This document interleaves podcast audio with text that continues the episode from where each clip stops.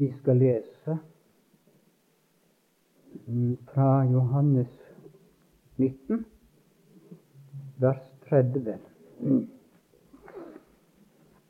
Og da Jesus hadde fått edikken, sa han, det er fullbrakt. Og han bøyet sitt hoved og oppga sin ånd.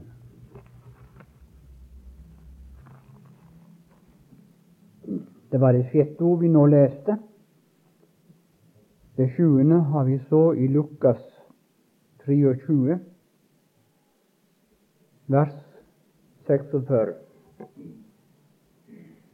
Og Jesus rådte med høy røst og sa, Fader, i dine hender overgir jeg min ånd. Og da han hadde sagt dette, utåndet han.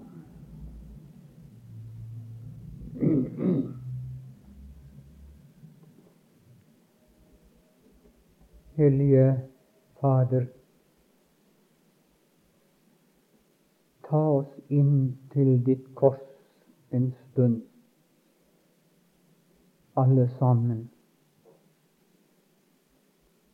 La oss få kjenne noe av det som Guds ord kaller korsets kraft. Og la noen få se din frelse i forsamlingen, som kanskje enda ikke har sett den, og oppleve å bli frelst. Fader, Fader, kom med den hjelp du ser jeg trenger. Ja, også tilhørende trenger for å høre med utbytte. Amen.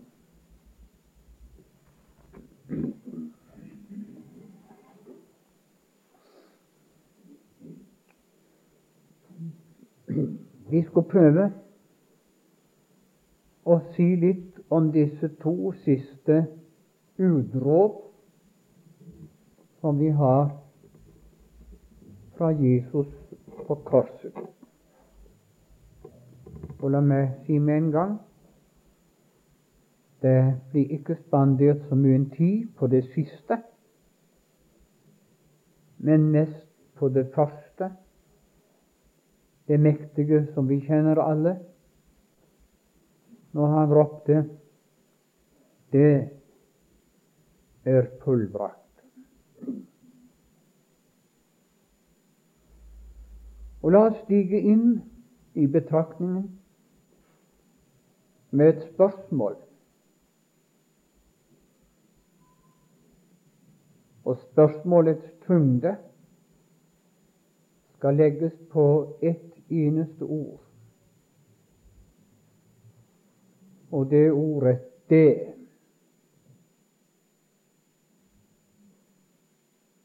Det er fullbrakt. Og så spør vi hva mente han?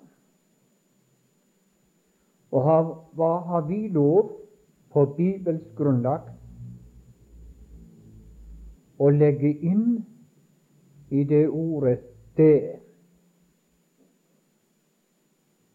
i dag, etter det kjennskap vi har til frelsen og til Bibelen.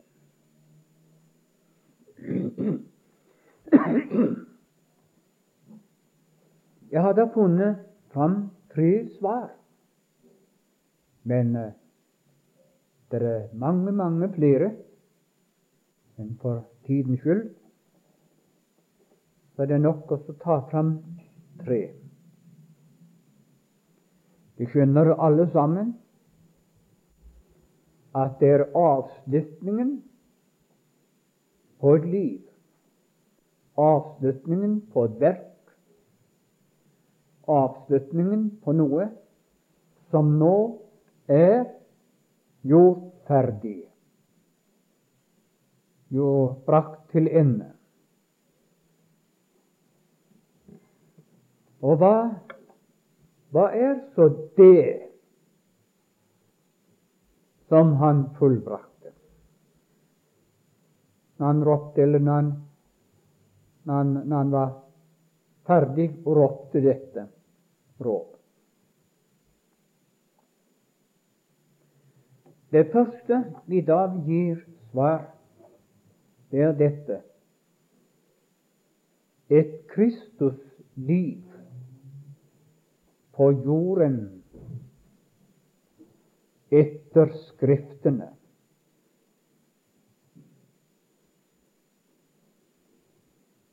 Det er nå fullbrakt. Et Kristusliv på jorden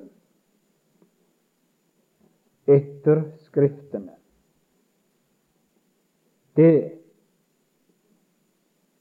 er fullbrakt. Kristus er nemlig enestående i historien. Eh, han står over alle historiske personer, hvis vi vil sette han i rekke med historiens store personer. Nemlig på ett område. Og det er at hans biografi den var skrevet om ham før han ble født. Ja, skrevet i enkelte detaljer. Vi har store menn i historien i den nyere tid. Vi har en stor mann som alles øyne falt på en stund. Eh, mester Churchill. Å ja, du kunne si Eisenhower og mange, mange flere. Men dere, ingen av disse er det skrevet en forhåndsbiografi om før de ble født. Men det er skrevet i massevis etter de, når deres verk er ferdig.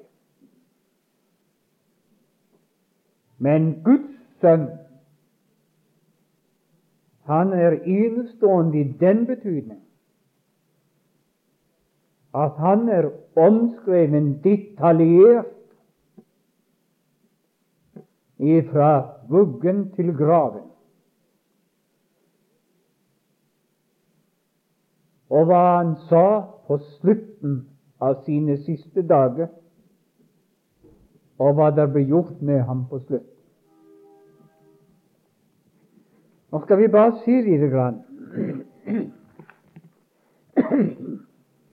Hvis vi slår opp Matteus evangeliet Matteus han har fått det inngitt av Guds ånd at han skal framstille Kristus etter Gamle testamentets skrifter.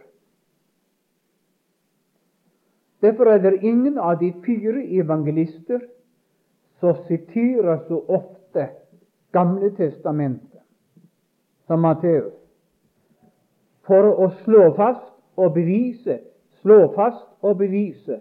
Se her, her har vi han som den profetien og det løftet sier. Og han begynner sitt evangelie på denne måten. Kapittel 1, 22. Men alt dette skjedde. Hva alt dette? Alt dette som Matteus har tenkt å skrive om ham nå. både i forbindelse med hans fødsel og alt det som hendte på jorden. Men alt dette skjedde for at det skulle oppfylles som er talt av Herren ved profetene, som sier Se, en jomfru skal bli fruktsommelig og føde hans sønn. Føde en sønn, og han skal kalles Immanuel, det er utlagt Gud med oss. Og profetien har vi fra Sajas 8, 8 og vers 10. Og det blir sagt at han skulle bli født i Betlehem. Også det er forutskrevet i profeten Mika, kapittel 5, vers 1, om uh, flukten til Egypten er også profetert.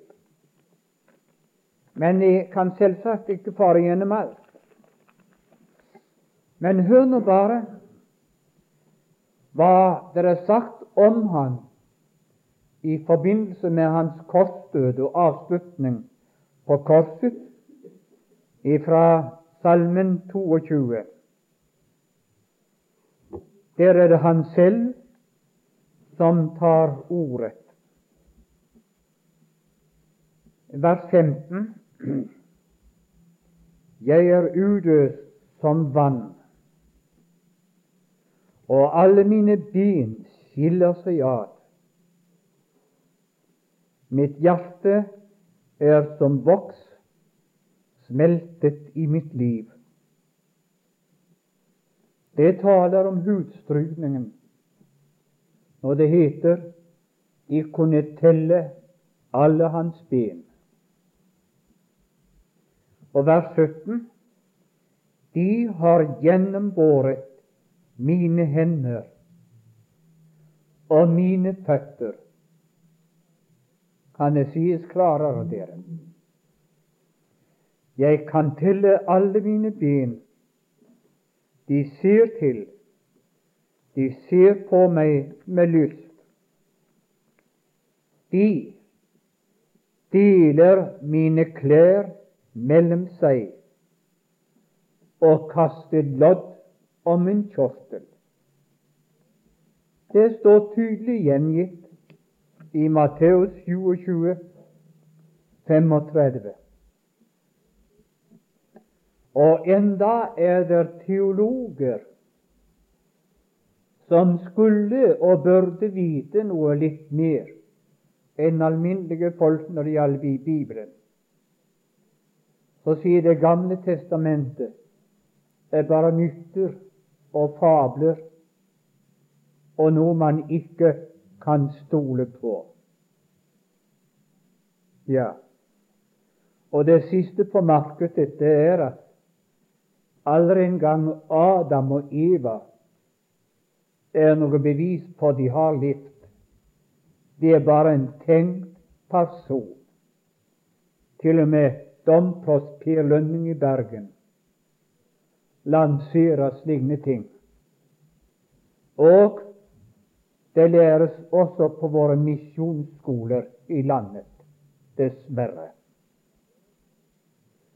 Kristenfolket smatter godt fordi teologer sier det, og følger med, og lekfolket sover. Vil man prøve å dekke de, så appellerer de til lekmannens uvitenhet og til de med den store eksamen. Men det var en prest som sa på en bibeltime som jeg hørte på, vi var sammen En troende prest han sa den bok som vi teologer har lest minst, det er selve Bibelen. Men vi har lest en masse om Bibelen. men ikke selve Bibelen. Og jeg tror nok han hadde rett. Altså, må ikke misforstå at jeg regner alle prester og alle teologer slik. Vi har mange gode både granskere og gudhengivne eh, forkynnere. Men det triste er det er alle som nå slår til lyd og suger inn bultmanianismen i vårt land og folk, pluss Lindhards-teologien fra Århus i Danmark. Kristenfolket kjenner ikke de to av verdens største religionsforførere dere er på jorden, og så sprøyter full norsk teologi i dag. Ja, det er siste møte, så. Det er ikke farlig.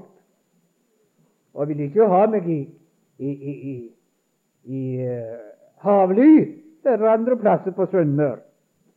Det sa ikke bry dere. Men uh, ta det ikke der opp at jeg er noen prestehater. Det er langt ifra. Men jeg hater av de som ikke står på sannhetens grunn.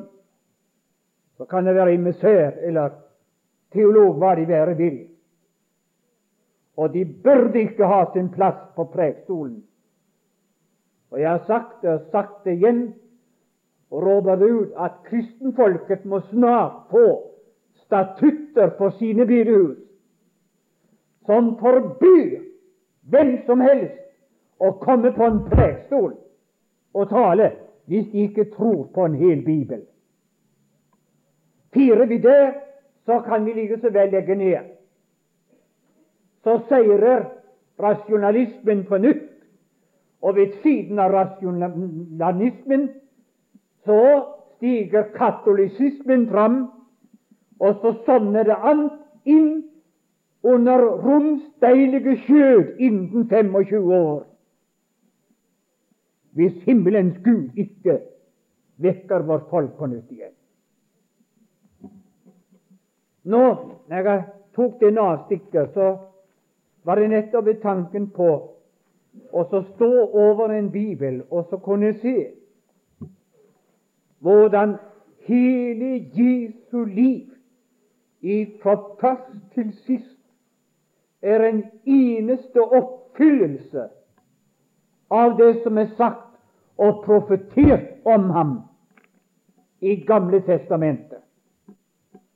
Og så skal de stå fram i dag og så latterliggjøre det så tid. Og det siste på markedet det, det er ikke noe bevis for at Jesus har sagt det som står i evangeliene. Det er noe som evangelistene har diktet opp selv opp gjennom tiden, før de skrev det. Ja. Men hvor har de sine beviser ifra? I en bløt hjerne som tror de vet mer enn Vår Herre. Nå vel, det er så, det er så iallfall for meg så troestyrkende å stå med en slik bibel i hånden, som har som hovedoppgave å framstille en person, og personen er den Herre Jesus. Og så framstiller han etter Skrifterne. Og når så Jesus råper 'Det er fullbrakt', så kan han råpe ut at nå er det fullbrakt et liv om meg og vid meg etter profetiene i Gamle testamentet. Det andre svar på spørsmålet det er fullbrakt. Er dette et fullkommen krav til ham som Guds lam. Det er nå fullbrakt. Det vet Johannes sto og så ropte ut i en preken ved Jordan. Se der, Guds lam, som bærer verdens synd. Ja vel, om vi råper det ut her i forsamlingen, så vet alle hva det betyr. Men når det ble ropt ut for en israelitt i den tiden, så betød det noe ganske annet. Det betød påskelammet. For det var påskelammet som i det daglige språk ble kalt Guds lam. Hvorfor ble det kalt Guds lam? Jo, for det ble tatt ut, avsondret ifra de andre lam. Og så blir det holdt i forvaring i 14 dager. Hvorfor blir det holdt i forvaring 14 dager? Dette kan du finne i 2. Mosebok 12, de første versene. Jo, i de 14 dager skulle det være under stadig oppsikt,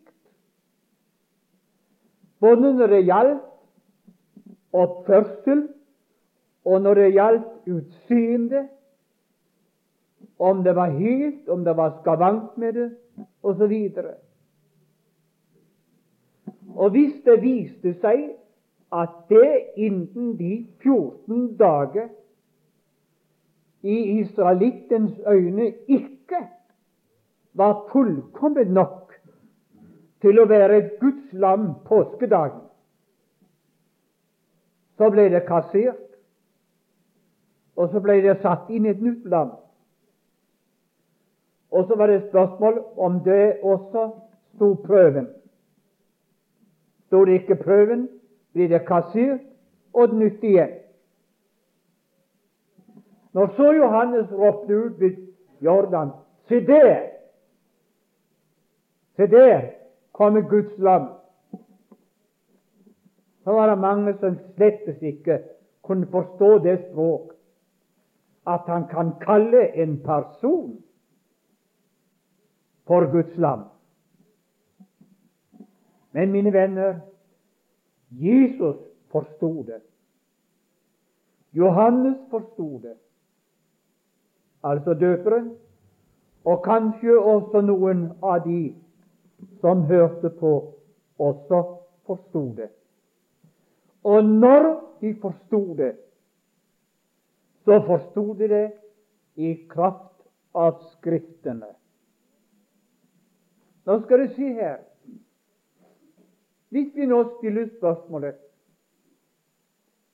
Hvorfor kunne ikke Jesus gått fint opp fra dåpen i Jordan og så like til korset, og så dødt på korset? Hvorfor tilbrakte han tre år, og kanskje noen mener tre og et halvt, imellom dåpen og korsfestelsen?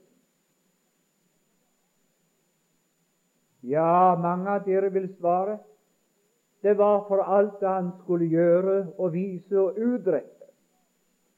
Ja, det er ganske riktig. Han skulle åpenbare Faderen og han skulle åpenbare særskilt for Israel at nå er jeg kommet, hvis du vil ta imot meg nå som Messias, så er jeg ferdig å opprette riket for dere. Derfor, til å begynne med, tilbød han riket, men de forkastet ham som rikets Messias. Og så ble det besluttet at han skulle gå til korset. Men jeg spør igjen hvorfor tre og et halvt år mellom dåpen og korsdøden? Se her. De tre og et halvt år levde han under en stadig oppsikt om han var skikket til å være Guds lam som skulle ofres på den påskedag som nå var i vente. Og før han forlot denne verden Nei, la meg heller si før han rådte det er fullbrakt. Så skal du høre hva vitnesbyrd han fikk.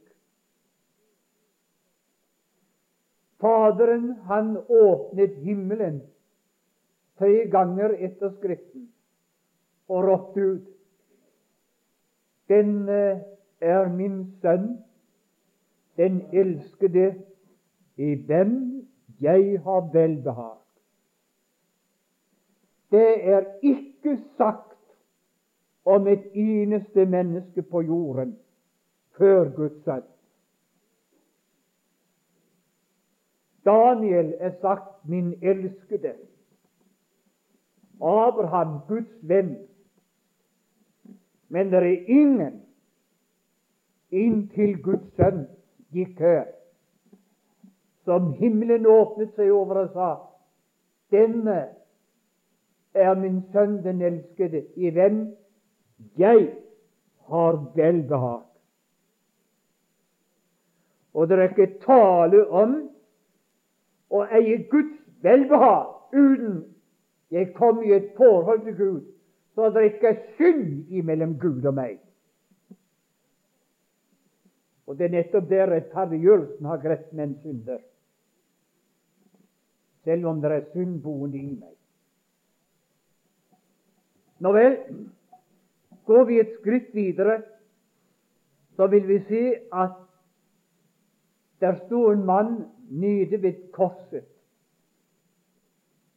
Han var høvedsmann, dvs. Si kommandant for den militære hærstyrken. Og vi kan godt si han representerte det verslige Romerriket, der han stod i sin mektige uniform. Med det samme Guds sønn døde, så ropte han ut Sannelig, denne mann var rettferdig. Se, der har du Han var under oppsikt av verdensblikket gjennom høvedsmannen og verdensrepresentanten måtte erklære denne mann var rettferdig.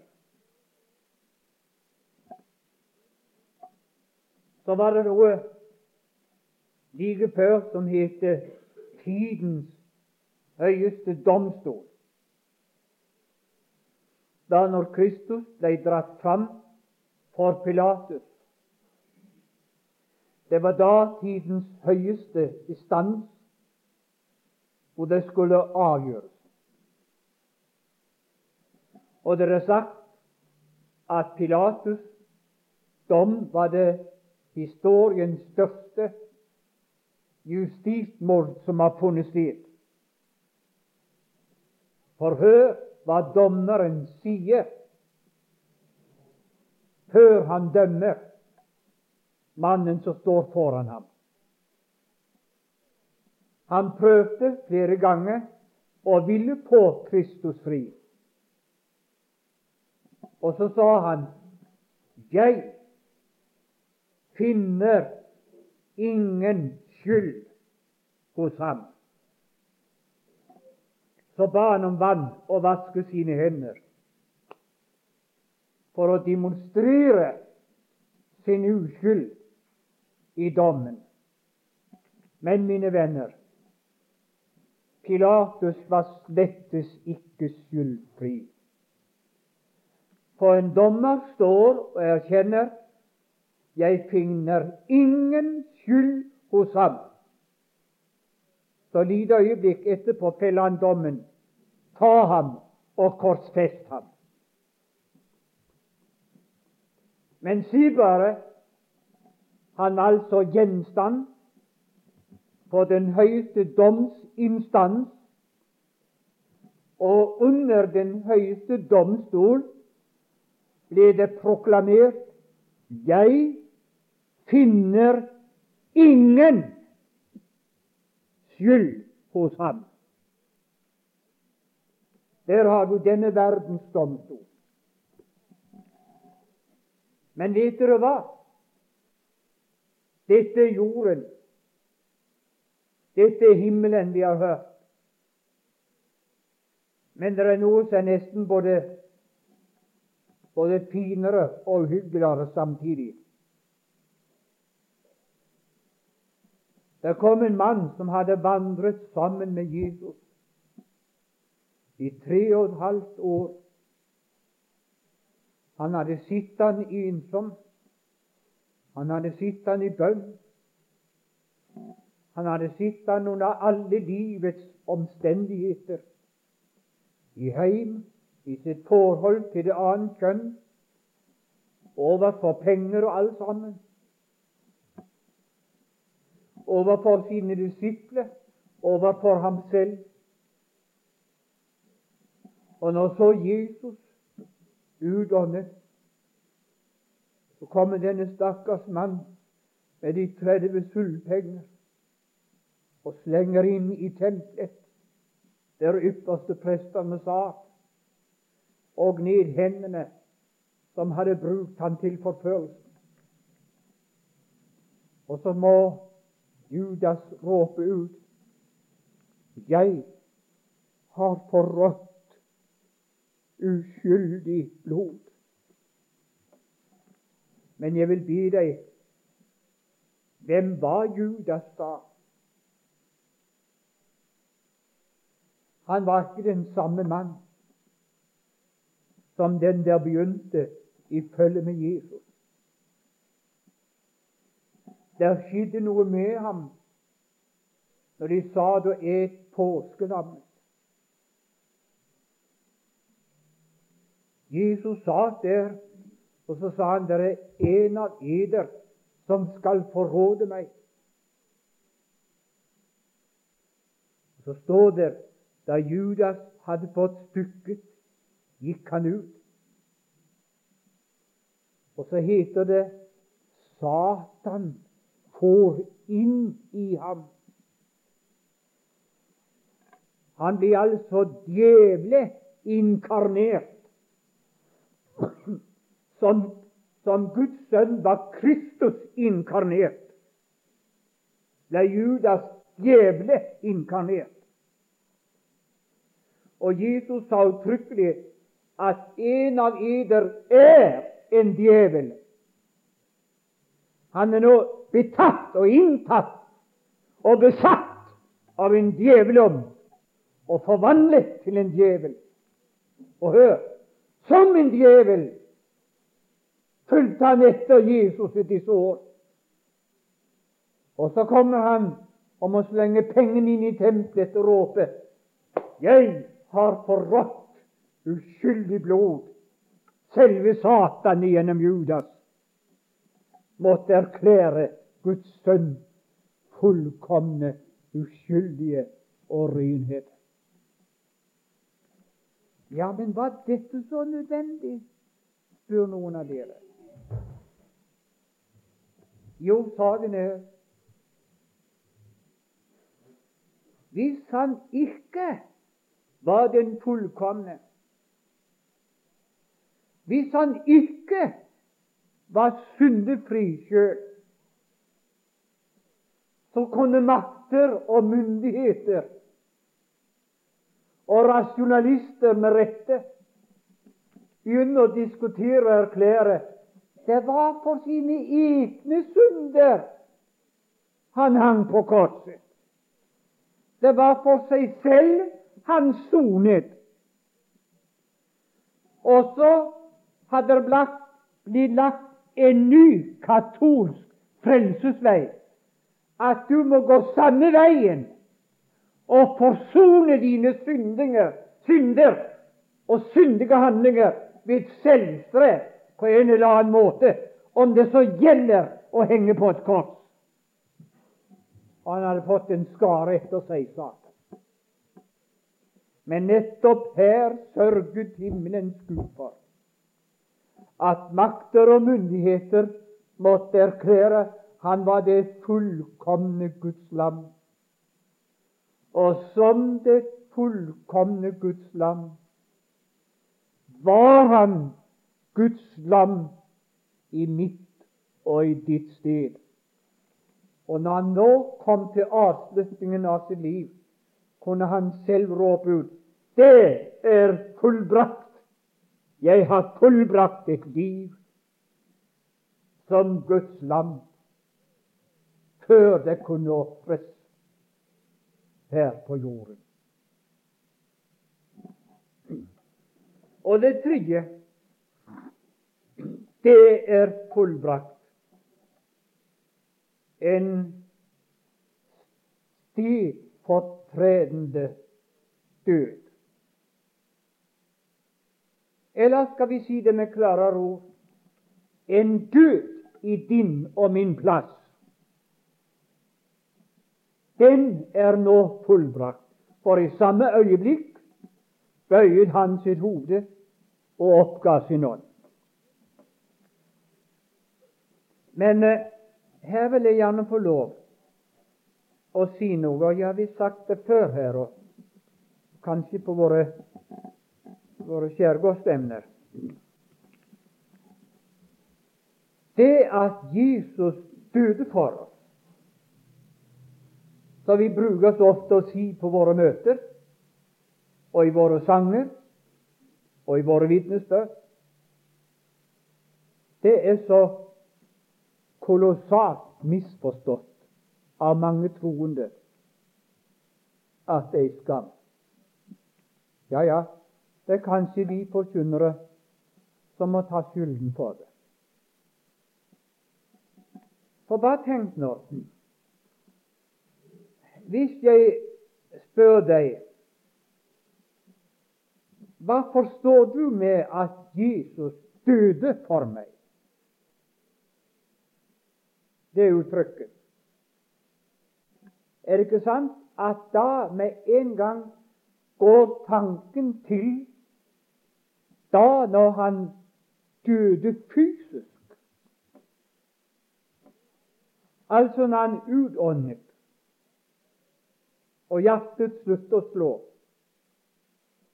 at da døde han for meg. Ikke sant at sånn hadde jeg tenkt? Og sånn tenkte jeg sjøl en stund. Men mine venner, det er ikke hans fysiske død som er stedfortredende. Den fysiske død har sin betydning i frelsesverket. Men det er ikke den som er stedfortredende. Hvis den var stedfortredende, da måtte vi slippe å dø fysisk. Og iallfall vi som er kommet til troen. Men det vet dere, det er ingen som slipper døden. Så sant vi ikke opplever forvandlingen. Hva menes det da med en stedfortredende død. Jo, saken er at Kristus han gjennomgikk en død før han døde fysisk. Og det er den som er stedfortredende. Den gjennomgikk han når han ropte 'Min Gud, hvorfor har du forlatt meg?' Og da han ropte 'Jeg tørster'. Og den var han ferdig med da han ropte 'Det er fullbrakt'. Vi har et ord i eh, Hebreabrevet 2, eh, vers La meg nå se hvor vi har det vers 9. som tar oss inn i den rette tanke. Der står om han at han lid døden og smakte døden. Han led døden for at han ved Guds nåde skulle smake døden. Altså, han både led og smakte en død før han utåndet fysisk. Og den er det som er stedfortredens død, som han døde i vår plass. Kommer spørsmålet ja, men hva er det for en død? I Bibelen har vi død i tre betydninger. Men i alle betydninger betyr alltid død atskillelse.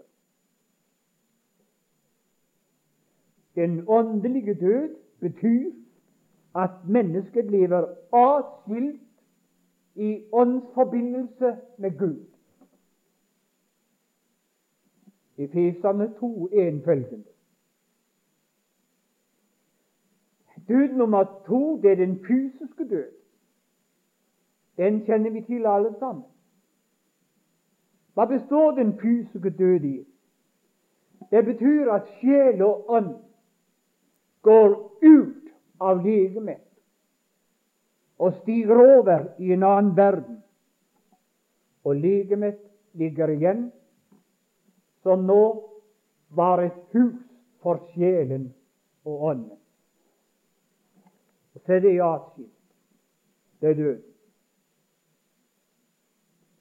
Men så den tredje betydning av død.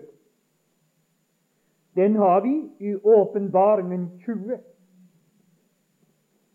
Der kalles den med to navn ildsjøen og den annen død,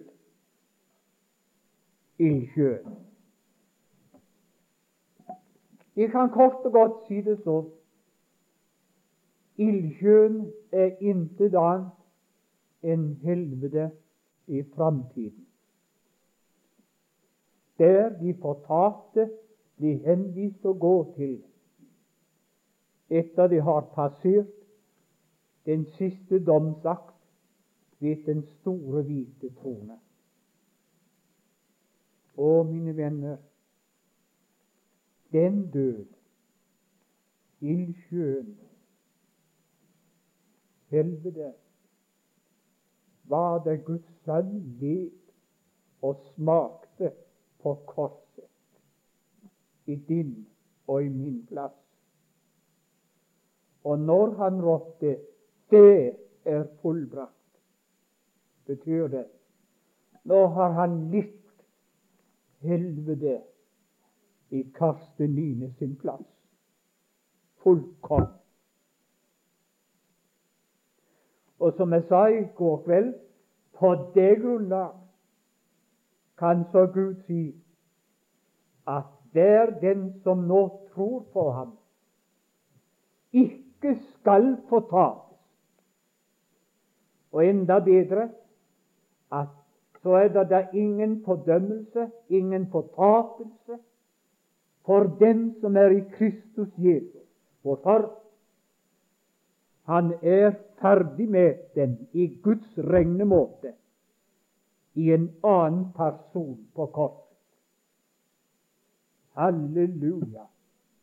Om dere får se det, troende hvor trygge det da skal og bør være i samfunnslivet med Herren.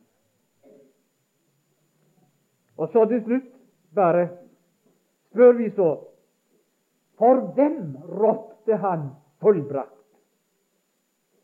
Mange av dere vil skynde dere å svare. Selvsagt for oss, ja vel. Men ikke i første rekke for oss. Den aller første han ropte til, det er fullbrakt. Det er Faderen.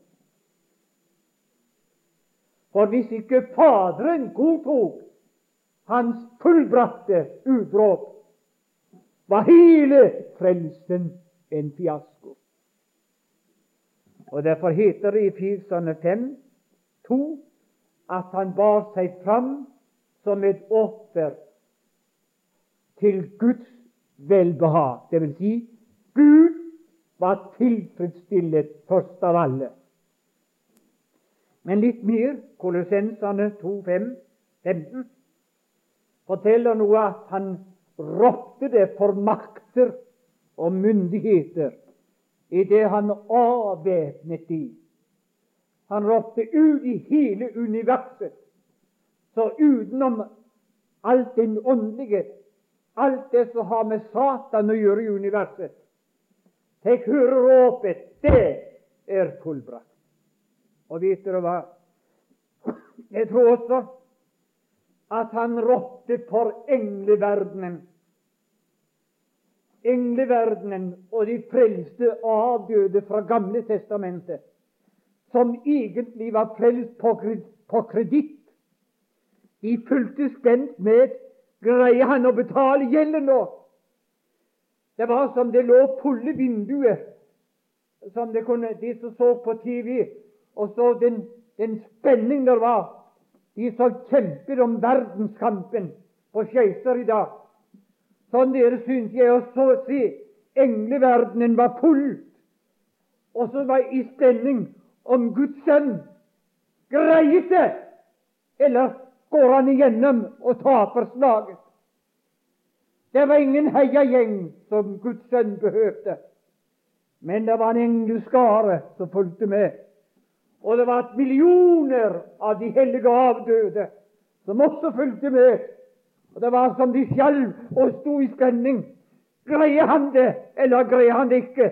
Plutselig så råper han Det er fullbratt! Og hele skaren jubler imot møtet. Seieren er vunnet. Guds sønn greide det. Han vant slaget. Himmelen er vår. Ingen skal få tapes som tror på ham. Og med Galatane 2,20 kan vi også si med Paulus Guds sønn elsket meg og ga seg selv hen for meg. Selvsagt ropte han, det er fullbrakt for meg. Og så litt om det siste ord, så står det Og han han bøyet sitt hoved og oppga sin ånd. Hva tid? Ikke før det var fullbrakt. Det er en hel masse som tror at det var Jesus sår, spydstykke og all den lidelse som tok livet av ham. Vi må tro litt mer om Jesus. Han kunne, om han vil, tenkt på korset enda. Hvorfor? Jo, hør hva han sier i Johannes 10. Ingen tar det fra meg. Hva? Det livet, altså. Men jeg setter det til av meg selv. Jeg har makt til å sette det til. Og jeg har makt til å ta det igjen. Dette bud, denne oppgave, fikk jeg av min Fader. Og derfor, dere, når han bøyet sitt hoved og oppga sin ånd, så var det fordi han selv bestemte det. Nå er tiden kommet. Men før han gjorde det, så ropte han Fader igjen. Nå Nå kan han si Fader.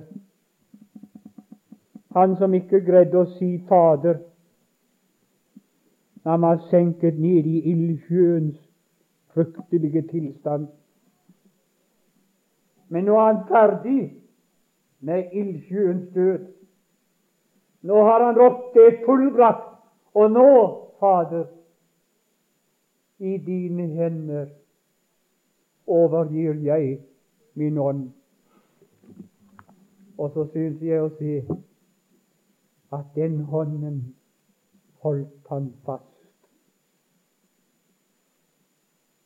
Og den hånden ba han velkommen regn. Herre Jesus, en dag skal vi bort fra dette livet.